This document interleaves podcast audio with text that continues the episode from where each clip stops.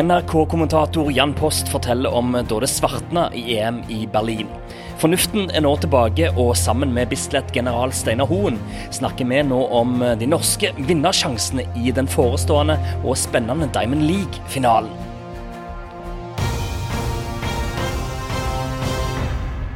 Ja, Da er det en stor glede å ønske velkommen til ærverdige Bislett stadion, der eh, den siste hekken akkurat er rydda inn fra helgens uh, junior-NM her på, på, Bislett. Og jeg har fått besøk av uh, to viktige aktører i og for norsk friidrett. Stemmen av uh, norsk friidrett, Jan Post, som kommenterer EM, NM og denne uken Diamond League. Hjertelig velkommen. Tusen takk for det. Hyggelig å være med. Og så har vi selvfølgelig, siden vi er på Bislett, besøke av, eller vi har jo fått lov til å besøke, Steinar Hoen, som er Bislett-general, europamester, og på mange vis eh, Jan legger forholdene til rette for at du skal ha noe spennende å kommentere her på Bislett Games hver uh, juni. Hjertelig velkommen, Steinar. Jo, tusen takk. Ja. Jan, EM i Berlin. Vi begynner der. Du kommenterte for NRK. Har du fått landa? Ja, Det var faktisk litt vrient enkelte kvelder der og i perioden etterpå. For det var et uh, vanvittig høydepunkt. Altså, norsk uh, friidrett var virkelig uh, i medgang. og man, man, hadde store forventninger til EM. Kom dit med store forventninger. Sammenlignet tidlig da med 94-generasjonen som Steinar var en del av.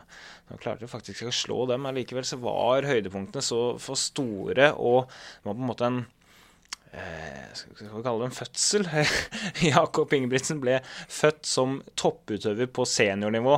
Vi hadde sett det gjennom sesongen at han skulle gå med to gull. Jeg hadde faktisk tippa ett gull, men uh, to gull det var, var, enormt svært. Og også at Karsten leverer sitt livsløp i den situasjonen på dag tre der, var uh, fantastisk. Og så var det mye annet bra rundt det. Så det var egentlig en fest fra, fra første dag, altså. Hvordan var det for deg, Steiner Steinar, å være der? For du, du var jo der som friidrettsentusiast, som en del av den forrige supergenerasjonen, litt som Bislett-general. Eh, hvordan var det å være i Berlin? Nei, Det var eh, utrolig mange inntrykk, og som Jan fortalte, så var jo det spørsmålet om den generasjonen her sånn var bedre enn 94-generasjonen. Nå, nå endte det jo med at de missa én én medalje på, på, å slå oss, men hvis du går litt i dybden og ser hva som kunne skjedd Hvis Sondre hadde vært hel, eh, Philip ikke hadde dette så hadde du jo knust oss. Um, slik at uh, storyen som kom ut av dette mesterskapet, uh, de var store og større, mener jeg, enn en de vi gjorde på, i 94. Og, og, jeg jeg må trekke fram da måten Jakob vant på at han dro løpene i en alder av 17 år. Eh, på 1500 liksom, trodde det var en runde igjen. Eh, spenningen rundt det. Eh, high five med Philip på 5000, og så bare stakk av etter å ha dratt de siste par rundene. Karsten var jo før eh, Ingebrigtsen var i gang på, på, fredagen, så var jo liksom Karsten store samtaleemnet på VIP-tribunen ved at han skulle da doble og løpe 400 og 400 meter hekk. Det var liksom samtaleemnet. Det man snakket om. Kunne han klare det, kunne han ikke klare det? Og Det er det som på en måte skaper den der ekstra interessen. Jeg tipper at på, i kantina rundt omkring, eh, eller på ferieboliger rundt omkring eh, i det ganske land, så var det også samtaleemnet. Og det er det som på en måte setter inntrykket at vi hadde altså to av de utøverne det ble snakka mest om, nemlig Jakob, og det Karsten da gjorde ved å forsøke å, å vinne både 400 og 400 meter hekk. Nå gikk ikke det, men, men storyen var egentlig like god for det, syns jeg. Hvordan var det, Jan, for eh, dere som norske kommentatorer å klare å skal en kalle det holde hodet kaldt når det er så mye snakk om de norske utøverne, når de norske utøverne blir løfta på denne måten? Vi er jo ikke vant til at det er så mye snakk om, om de norske. Når vi var i forrige EM i, i Amsterdam, så, så vant riktignok Philip, det var ingen som snakket om han på forhånd. Det var ingen andre utenlandske kommentatorer som kom bort og skal ha info på Philip på forhånd. Men sånn er det med Karsten Warholm, og, og familien Ingebrigtsen generelt engasjerer voldsomt.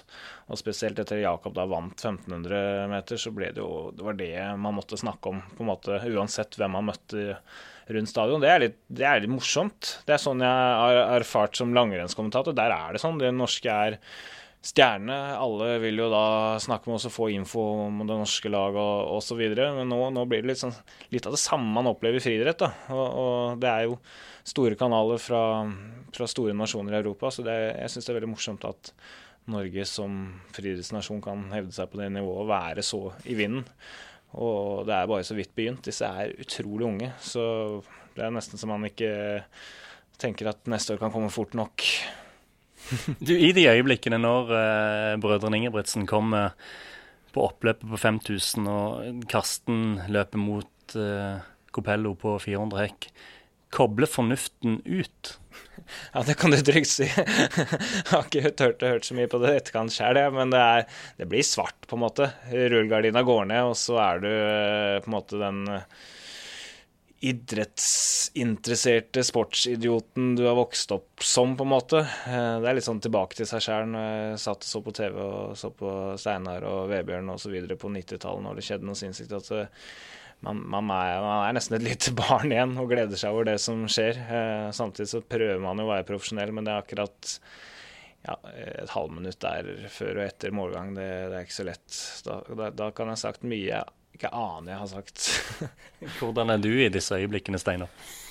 Nei, jeg, jeg, jeg, føler at jeg har sett så utrolig mye idrett i mitt liv da, at det skal, det skal ganske mye til for at uh, håret reiser seg på armene, liksom. Um, og etter hvert som at jeg har denne som jobb, så, så prøver jeg på en måte å holde meg litt unna også, så det ikke blir liksom for mye av det. Så det er, det er, liksom de aller største idrettsøyeblikkene hvor jeg virkelig har problemer med å sovne inn om kvelden og merke liksom at hele kroppen står i spenn. Og jeg hadde flere av de inntrykkene nå i EM. Og jeg fikk også ett av dem på dagtid. Da var jeg ikke på stadion, men jeg satt på TV og så på. Det var liksom en, en eh, kvalifisering på 1500 hvor disse tre brødrene hadde hvert sitt hit. Og det skulle være en enkel match å komme videre. Jeg var litt redd for at de skulle dette og sånn. Og så detter Philip. Og tenker jeg, da er han ute, for det er liksom 600 meter igjen på 1500, kan du ikke dette og ta igjen folk. Og, og, og hit gikk ganske fort også. Så når han da reiste opp der og tok igjen det feltet, og om det var 339-340, det skal jo ikke kunne gå an. Da var jo samtalen den kvelden var jo Er det mulig, liksom? Og da hadde jeg akkurat sett han løpe på 3.30,01 i Monaco.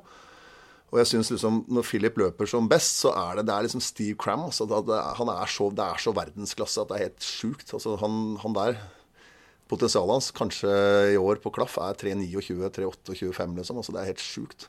Det er ordentlig verdensklasse. altså. Når vi snakker om verdensklasse, for nå begynner jo en del av de norske utøverne å komme dit. Hvis vi tenker på 2016, Amsterdam som frampeker, London 2017 som fortsettelsen, har på en måte 2018 blitt bekreftelsen? Ja, det må vi jo si. Eh, vi fikk jo Karsten da opp i verdensklasse mellom 2016 og 2017. I år eh, ja, også, også, delvis Philip. da. Philip har vist videre nå ved å løpe enda fortere at han tilhører verdensklasse. Og så har vi fått opp Jakob, og så har vi fått Henrik tilbake. Eh, og så har vi flere da som kan lukte på medalje like bak, bak der. Karoline på sin beste dag kan være med og kjempe om medalje i, i, et VM. Eh, så Eivind Henriksen var nære å, å, ta en medalje nå, og et EM er nesten som et VM i, i slegge. Så det er liksom flere bak der. Eh, vi er fortsatt bare på kapittel tre-fire i den boka, liksom. Det er mange kapitler i den boka. Og en del av ett av disse kapitlene er Diamond League-finalen i eh, Zürich og Brussel, som nå nærmer seg, eh, Steinar. Hva slags forventninger kan vi ha der? Det første jeg kan si når det gjelder Diamond League, og det som kommer til å skje i årene fremover nå, nå kommer det til å bli en gjeng norske utøvere som reiser sammen rundt på Diamond League. Og, og det var det når vi konkurrerte på 90-tallet. Så når jeg var ute og reiste, så var jeg ikke aleine. Hanne Haugland var der, Trine var der, Vebjørn var der, Atte Douglas var der. Jim Svene var der, Håkon Særne var der. Vi, var liksom, vi hadde et svært bord med bare oss. Vi hadde liksom med vår fysioterapeut, og det var liksom Og så når jeg begynte og tok over Bislett i 2006, så var det Andreas Torkelsen. Han satt alene sammen med noen uh, tyskere eller uh, svenske agenten vår, og that, that's it. Så var det en og annen gang Marius Bakken var innom, og det har vært en og annen gang Karoline Grøvdal har vært innom osv. Så, videre. så nå blir det en helt annen verden framover. Og, eh, og, nå er liksom alle tre Ingebrigtsen-brødrene er nå med. Eh, Karsten har jo allerede preget Diamond League framover. Eh, nå i Zürich skal vi også ha med Sigrid Borge. Et par meter til, så er hun der. Det kan bli en hel gjeng, og det tror jeg er viktig. For da kommer den derre eh, inspirere hverandre da, på hvert eneste arrangement. så er liksom, Det er gøy å være beste norske. ikke sant? Og, og, hvis det ikke går så bra, så er det alltid noen andre norske som har gjort det bra. Dette er et interessant poeng, for dette vet jeg Håvard Kjørom brenner for, som mm. kommer fra alpint. Han tenker Diamond League, det er vår verdenscup. Her kan vi bygge lag. Det er ikke blitt gjort tidligere. Det må gjøres i mye sterkere grad. Og det kan jo bli en realitet nå igjen. Ja, det blir jo det. Det blir jo fort tre-fire norske på hvert eneste stevne. Og det er eh, viktig for at folk skal trives på tur. Eh, da tror jeg de presterer bedre òg. Jo mindre de sitter alene på rommet sammen med en utøver fra gjerne en annen øvelse de ikke kjenner, og, og tenker livet av seg på det som snart skal skje, jo bedre er det, tror jeg. Så man er et miljø. Håvard Kjørom kan være med selv med medisinsk støtteapparat, og det blir eh, tilrettelagt, så, så, tror jeg dette blir veldig veldig bra. Og så blir det flere å fordele presset på. Hvem skal ta presset i Zürich? Ja, det blir jo spennende duell igjen da, mellom Philip og Jakob Ingebrigtsen. Nå er Cheriot der, og nå er Manangoy der, som løp fortere i den uh, omdiskuterte 1500-meteren i Monaco. De de er jo 3.28-gutter, så de må jo ta favorittstempelet og ikke konkurrert seg i hjel de siste ukene, eller som kenyanere ofte kan gjøre mot slutten av sesongen. Så jeg regner med at de er ganske freshe. Men Jakob har en bedre sjanse nå egentlig å ta, ta Philip enn han hadde i Monaco. Og så er det sånn at dette er jo en finale. Vinneren takes it all, uh, men det er en finale med fartsholder. Og det gjør det interessant igjen. Her kan vi få både eh, en som stikker av med den store potten, og som har en god tid. Så det er liksom flere ting å løpe for her. Så jeg, ja, det blir spennende å se Jakob uh, mot Philip nå. Så det er så å si dødt løp. Og de skal ikke vise mye svakhet, disse to andre, før uh, de har én fra familien Ingebrigtsen eller to foran seg. Ja, for hvem ser du på som vårt sterkeste kort der? Yngstemann eller mellomstemann? altså det er, det er, jo umulig å si. altså Yngstemann han er jo utvikling dag for dag. slik at uh, Hadde du spurt meg rett etter Monaco, så ville jeg sagt at det løpet i Monaco kanskje var det beste Jakob fikk ut i år. Mens Philip tror jeg enda et sekund å gå på. Så de to isolert sett i beste form. Men det var jo en måned siden. og så kan ting ha endra seg allerede på de siste par månedene. For Jakob er jo så fenomenal utvikler. Han overrasker liksom alle hele tiden. Um, så jeg er jo fortsatt redd for om, uh, at Philip er helt restituert etter uh, ribbeinsskaden. Uh, slik at det kanskje holder en knapp på Jakob akkurat nå i, i, i Zürich. Men hvis du ser året under ett, så, så, må jeg si at Philip, Det var synd at du ikke fikk sett Philip på, sitt aller aller beste. For det var Steve Cram. Altså. Det, var, eh, det, var, en fryd å se på, det steget han hadde når han er som, som best. Og så må jeg jo nevne den siste broren nå, Henrik. at Jeg håper inderlig at han får løpt et, uh, gjerne en 5000 på slutten av sesongen i den formen han er nå. Og da tror jeg Marius Bakken sin rekord lever veldig farlig, og kanskje til og med begynner å snuse på 13-tallet. For det virker som han har fått tilbake steget og selvtilliten og overskudd og, og alt. Så så Der har du liksom de tre brødrene. Og når det gjelder eh, Karsten i, i, i Zürich, så er spørsmålet som jeg stiller meg der, klarer han å levere liksom Jeg syns han har levert toppløp hver eneste gang han har løpt, ja, helt siden Bislett i fjor. Det har liksom ikke vært ett dårlig løp. Eh, og da tar jeg også med meg innendørssesongen. Eh, til og med det løpet i NM orkan motvind på 49 var, var fantastisk. slik at hvis han nå klarer å levere nok et løp under 48, da, å slå uh, McMaster, som blir uh, hovedkonkurrenten i og med at Samba er i Asian Games, og vinne Diamond League-finalen, så må jeg si at den sesongen til Karsten har vært helt fenomenal. Selv om han har blitt slått av, av utøvere som er utrolig gode i den, i den grenen nå. Så uh, ja, jeg er kjempespent. For Karsten Jan henter jo ut, som han er for vane å gjøre, sitt aller beste når det gjaldt som mest. Og han måtte for å slå måtte det for å slå, slå Copello i, i, Berlin. Hvordan tror du det blir i Zürich? Disse tre gutta, Copello, Warholm og McMaster, har praktisk talt samme årsbeste. Ja, ja, de har det, og de har vært jevne på sitt beste. Karsten er proff så til de grader. Han har gjort treninga si nå. Han har ladet for dette, og han er motivert for dette. Han kommer til å gå ut der og være på sitt beste. Spørsmålet er om Copello klarer det. Han har ikke hatt for vane å, å gjøre det i Diamond League. Han er ekstremt god i mesterskap. Hever seg gjerne halvsekundet der, som vi så nå i, i EM. Så jeg frykter egentlig McMaster mer. Konkurrert ganske lite i det siste, men er typen som, som, virkelig er god når han tråkker til. Det så vi i Paris. Så jeg tror Karsten tar det hvis han unngår feil. Um, men han skal ikke trippe noe særlig på det oppløpet før McMaster er forbi. Så det blir, blir spennende. og det er, en, det er, en, stor greie som han ikke har klart ennå. Å ta Diamond League-finalen og, og, vinne det, det, det er virkelig stort. Så at han ble nummer to i fjor Han, han sov ikke mye natta etterpå, selv om han hadde hatt en strålende sesong og var verdensmester for noen uker siden. Det sier litt om det som ligger i potten her nå. Karoline Bjerkeli Grøvdal skal løpe 3000 hinder i Brussel. Um, hvilke forventninger kan vi ha der? Ja, Det er jeg spent på. Altså, nå, nå, har hun slitt med sykdom uh, lenge. Det blusset opp igjen etter EM-finalen, som var midt på treet til henne å være. Medalje selvfølgelig veldig bra, uh, men vi så jo på hele Karoline selv at hun, hun var ikke intens glad over den bronsen. Hun har jo en del fra før. Uh, og så så slapp jo ikke sykdommen helt. Den blusset litt opp igjen og løp ikke under EM. og Det er litt lang periode nå uten ordentlig utholdenhetstrening. Så, men samtidig så var hun nok på kanten til å ha trent nok i år før det. Så hvis vi har flaks, så er det et overskudd som kommer ut her, og så får vi et toppløp ned mot det beste i fjor. Um, normal, normal utvikling er nok mer et, et løp på 9-20-tallet, og da blir det tøft altså, når når Coburn eh, skal ut og jakte ni blankgrensa, og vi har de beste kenyanerne der, og vi kan få et løp som går ned mot 8,50 og under igjen. Eh, det blir tøft også å gjøre sitt eget løp oppi det, men jeg håper at hun kan få bra følge og, og løpe ned mot 9,10. Det er jo en drøm. For Det er jo Karolines første sesong med all in på 3000 hindersteiner. Hvordan ser du for deg hennes satsing videre på denne distansen? Altså, jeg tror ikke hun er fornøyd med, med sesongen eh, og det hun har fått til på 3000 meter inner. Jeg tror hun hadde større ambisjoner. og um, Noe av um, problemet har jo vært å kunne få til dette i felt. ikke sant? Hun løp bra i NM alene i fjor. og Problemet har vært litt i felt, og problemet har vært litt sykdom.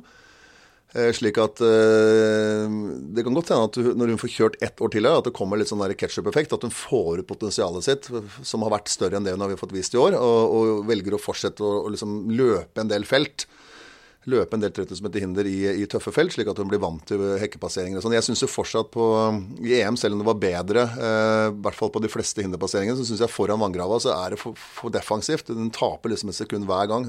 Istedenfor å akselere inne på hinderet, så, så, trekker hun seg litt. Og, og Det er jo der hun har muligheten til å ta kenyanerne, nettopp på, sånn som Coburn har gjort. At det liksom virkelig være den beste på hinderpasseringen. Det er derfor man skulle satse på den eh, øvelsen som har flere variabler enn bare 5000. Det er jo for at man, det er der man kan hente ut noe.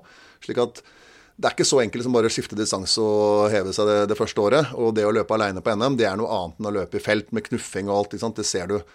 Så jeg håper at hun fortsetter å, bite tenna sammen, og så kan man få ut potensialet neste år. Og så er det et OL i, i, i Tokyo, og uh, muligheten å lykkes uh, på hinder er helt klart større enn å lykkes på 5000 10 000 hvis målet er medalje. Eh, jeg vil trekke fra ett navn til. Det var morsomt. Vi har jo nevnt tre utøvere i, i, i Zürich som skal være med. Philip, Jakob og Karsten. Så har vi også med Sigrid Borge i spyd. Så vi har altså med fire utøvere i Zürich i dag med finalen og én i Brussel. Det er fem. Jeg tror neste år kan det bli kanskje syv-åtte. Og da begynner det å bli bra. For hvis vi får den gjengen som eh, både Håvard og vi håper kan reise rundt på Diamond League og, og, og matche hverandre, så har vi liksom en, en gjeng nordmenn med hvert eneste stevne.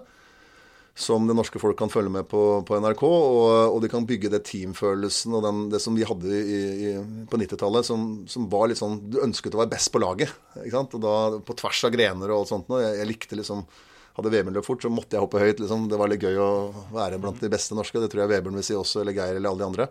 Og samme på jentesida. Og det er vi i ferd med å få til nå. Ja, eh, Karsten sa det jo etter, etter uh, Jakob og Philip hadde løpt på fantastiske tider i, uh, i Monaco på fredagen. Så skulle han ut og løpe på lørdagen. Han måtte egentlig bare klinke til, for ellers hadde det blitt en sånn liten notis opp ned i Aftenposten på side 50. og da klinka han til og satte norsk rekord. Det må jo være gøyere å være NRK-kommentator i disse tidene, når den ene popper opp etter den andre. Ja, jeg syns idrett er fantastisk, og spesielt i sånn gjennombruddstider. Når man blir overraska, når man blir oppriktig overraska. Vi følger jo ganske godt med, ikke sant? så det er ikke, alltid, det er ikke så ofte man blir det lenger. Det er så deilig å bli sånn oppriktig glad og overraska over prestasjoner, og det har blitt mange ganger når det gjelder norsk friidrett nå. Ja, hvis vi tar med de siste tre årene. Uh, og det, det, svinger litt mer nå enn det gjorde for uh, fem, seks, sju år siden, når vi tenker ja, troppen som helhet. Da. Avslutningsvis, gutter. Vi sitter her og ser ut på tomme seter på Bislett stadion som skal fylles med forventning og mennesker i midten av juni 2019. Hva gjør denne sesongen med dine tanker om det forestående Bislett Games, Steinar? Nei, det har jo vært eh, noen tøffe år. Eh, ikke bare økonomisk, men også å fylle stadion. Og det er sånn Når vi legger ned så mye jobb som vi gjør i Bislett-annonsen, så er det, liksom, det viktigste at det er fullt hus. Og vi jobber alt vi kan. Og i år lykkes vi, og det er mye, eller nesten mest, pga. norsk friidretts fremgang. Eh, vi solgte altså ut Bislett stadion dagen i forveien. Så når jeg holdt åpningstalen på Jordbærpartiet dagen i forveien klokka fem, så var det utsolgt, fikk jeg beskjed om herfra. Og vi får jo håpe å slå denne rekorden eh, neste år. Og det som er litt morsomt, da, det er jo at de årene vi hadde Bolt, så var jo også Bislett stadion utsolgt, men ikke så tidlig som i fjor. Eller som i år. Så vi solgte ut eh, på dagen eller dag, kvelden dagen i forveien, men i år solgte, solgte, vi altså ut klokka fem eh, dagen før. Og neste år kan det sikkert bli både én og to og tre dager utsolgt før, før Bislett Games, og det er beste reklamen vi kan få. Vi kommer til å gå ut med billettene til eh, Bislett Games, som da er 13.6.2019. Eh, det kommer vi til å gjøre neste mandag. Så etter begge Diamond League-finalene er ferdig, så går vi ut med billettene. Og det kommer til å bli rift om de beste plassene. Så vi gleder oss voldsomt. Får vi en norsk vinner i Diamond League-finalen? Jeg tror Karsten Warholm tar det, ja. Jeg, jeg sier ja på den, altså. Ja, jeg også tror det, men, det kan fort bli Jakob eh, eller Philip også. Så eh, watch up for han McMaster. Han er, han er også god når det gjelder sånn i Goodwill Games. Så det er ikke bare Copello som er bra i mesterskap. Og dette er tross alt mesterskapet til McMaster i år, i og med at han ikke var med hjem. Så vi krysser fingrene. Det gjør vi definitivt. Tusen takk for eh, praten, gutta, og tusen takk for oss fra Bislett stadion.